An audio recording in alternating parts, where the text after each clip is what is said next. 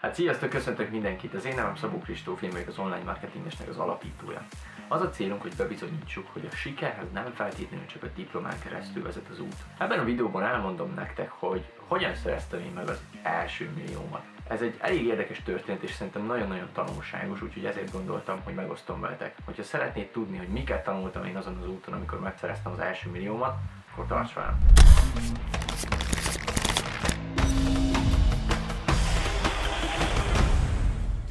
Kezdjük az elején. Nekem nagyon nagy szerencsém volt, hogy a szüleim támogattak engem folyamatosan.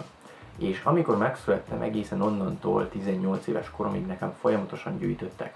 Tudjátok, ez a, azt hiszem 10 forintot kell minden hónapban befizetni, és így gyűlik folyamatosan a pénz. És amikor 18 éves lettem, akkor véletlenül, ténylegesen véletlenül megláttam a pénzt, hogy van egy millió forintom, hiszen 18 éves lettem, és az én nevem volt a számla. Közben a szüleim ezt akkor akarták nekem átadni, amikor lediplomázok. És akkor nagy sírás, hívás után megkaptam a pénzt. Viszont nem ez a nagy csavar az egészbe, és ebből nem sokat lehet tanulni, most jön a tanulság. Nem tudtam, hogy mit kezdjek a pénzzel, fogalmam se volt. De tudtam, hogy ha áll a pénz, akkor csak veszíti el az értékét, és attól, hogy őrizgetem itthon, attól nem lesz több. Úgyhogy gondolkodtam, hogy befektetem valamibe. És pont aznap olvastam egy cikket a bitcoinról, hogy nagyon sok embernek ez kell, most meg ez az új, nem tudom, arany, meg minden volt írva, és betettem az összes pénzemet bitcoinba. Tehát egy nap sem telt el, és az összes pénzemet, nem csak az egy milliót, hanem még itthon is volt. Összesen 1500 forint maradt a pénztárcámba.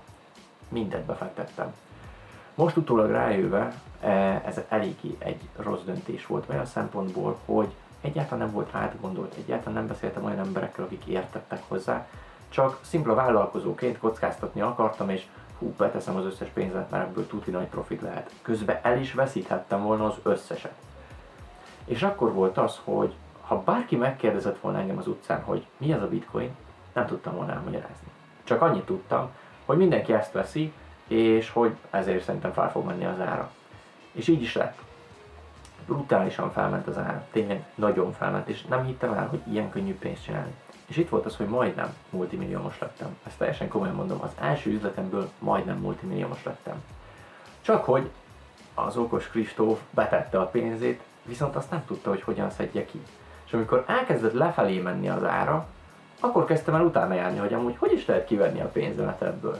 És ugye minél tovább néztem utána, hogy hogy lehet kivenni, annál lejjebb ment az ára. És így voltam, hogy ezt nem hiszem el komolyan. És folyamatosan kutatgattam, hogy mit lehetne csinálni, hogyan lehetne csinálni, és nagyon-nagyon visszaesett az ára. Amikor kivettem, még így is bőven többet kerestem, mint amennyit kellett volna. Tehát még így is több milliót kerestem azzal az egy üzlettel, és ez volt az első üzletem. Viszont, ha csak egy héttel korábban vettem volna ki a pénzemet, 5 millióval többet kerestem volna. És ez a nagyon szomorú. Ekkor tanultam meg nagyon sok mindent arról, hogy mennyire fontos az, hogy ne csak elkezdj valamit, hanem azt is tanul meg, hogyan kell befejezni. Erre van is, hogy az Instagramon láttam egy képet, hogy egy festő elkezdte festeni a szobát, és körbefestett mindent, és ő ott állt a sarokba. És ott volt a képre írva, hogy mielőtt elkezdesz valamit, vagy mielőtt belekezdesz valamibe, tanuld meg, hogyan kell befejezni. Na nekem pontosan ez nem volt meg. Még annyit elmondok, hogy aki most azon gondolkodik, hogy bitcoint vegyen, nem ajánlom senkinek, őszintén megmondom. Azért nem ajánlom, mert a bitcoin mögött nincsen fedezet, nincsen aranyfedezet, semmi. A bitcoinnak azért van értéke, mert te meg te meg te azt mondod, hogy van értéke. Viszont ha egyik nap felkeltek és te meg te meg te azt mondod, hogy nincs értéke, akkor nincs értéke. És Warren Buffett a világ legnagyobb befektetője sem fektetett semmit a bitcoinba, hiszen azt mondta, hogy ő nem ért hozzá, és amúgy sincsen fedezet mögötte. Úgyhogy lehet, hogy itt most egy óriási harc fog kialakulni a komment szekcióba, de ez az én véleményem róla. Nekem nagyon jó véleményem volt a bitcoinról, mert ugye pénzt kerestem belőle, viszont szerintem ami értékes, az a mögötte való technológia, a blockchain rendszer, és nem feltétlenül maga a bitcoin, mint a valuta. Tehát akkor szedjük össze, hogy mit lehet tanulni ebből az egészből. Az első, ne kockáztass úgy pénzt, hogy nem tudod, hogy mibe teszed. A második, hogy ne kockáztasd az összes pénzedet, mert hogyha elveszíted az összes pénzedet, az nem annyira jó. Ugyanakkor én is nagyon-nagyon stresszes voltam, amikor elindult lefelé az ára. És úgy voltam, hogy úristen, mi lesz velem, elveszítem az összes pénzt, amit anyukáméktól kaptam.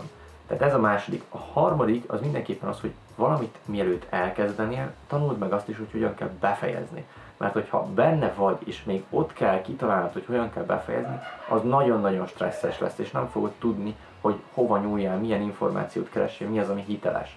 Úgyhogy ha meg akarsz spórolni magadnak stresszt, akkor mindenképpen ez, ezt a három lépést tarts be, és csak ez alapján kezdjél el bármit, hogy, hogy ezeket tudod. Félre ne nem kell tökéletesre fejleszteni, tehát nem kell tökéletesen tudnod az összes lépést, csak legalább tudjad nagyjából, hogy ha ez történik, akkor így tudom kivenni a pénzemet. Ha ez történik, akkor ezt kell csinálnom. Nem kell neked százszázalékosan pontosan megtanulnod ezeket, mert akkor a tökéletességre törekszel. Aki pedig a tökéletességre törekszik, az valószínűleg nem kezdi el soha, mivel a tökéletesség nem létezik. Tehát ez volt a története, hogy hogyan kerestem meg én az első milliómat. Én azt nem tekintem az első milliónak, amit anyukáméktól kaptam, mert azt nem én kerestem meg, azt csak kaptam. És arra nem is voltam olyan büszke, úgymond. Viszont amikor megforgattam ezt a pénzt, és sok pénzt csináltam belőle, arra meg igenis büszke voltam. Igenis fura volt az az érzés, hogy 18 évesen több pénzt kerestem, mint mondjuk a szüleim, és úgy, hogy itthon ültem csak, és befektetésem volt. Még egyszer mondom, ez egy nagyon nagy szerencse volt, hogy én akkor abból pénzt tudtam csinálni, mert se tudásom nem volt hozzá, se semmit nem tudtam a felelősségtudatról, kockázatvállalásról. Csak tudtam, hogy beleteszem az összes pénzem, és remélhetőleg több lesz. Tehát ez egy nagyon-nagyon felelőtlen befektetés volt, és nagyon nagy szerencsém volt, hogy ebből ennyi pénzt tudtam szerezni.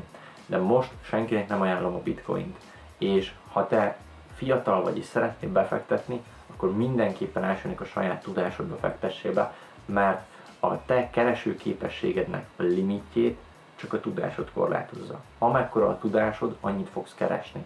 És ez tényleg így van, higgyétek el nekem. Remélem tetszett ez a videó, és tényleg értéket tudtam beleadni. Hogyha igen, akkor kérlek nyomj egy lájkot és iratkozz fel a csatornámra, és találkozunk a következő epizódban. Sziasztok!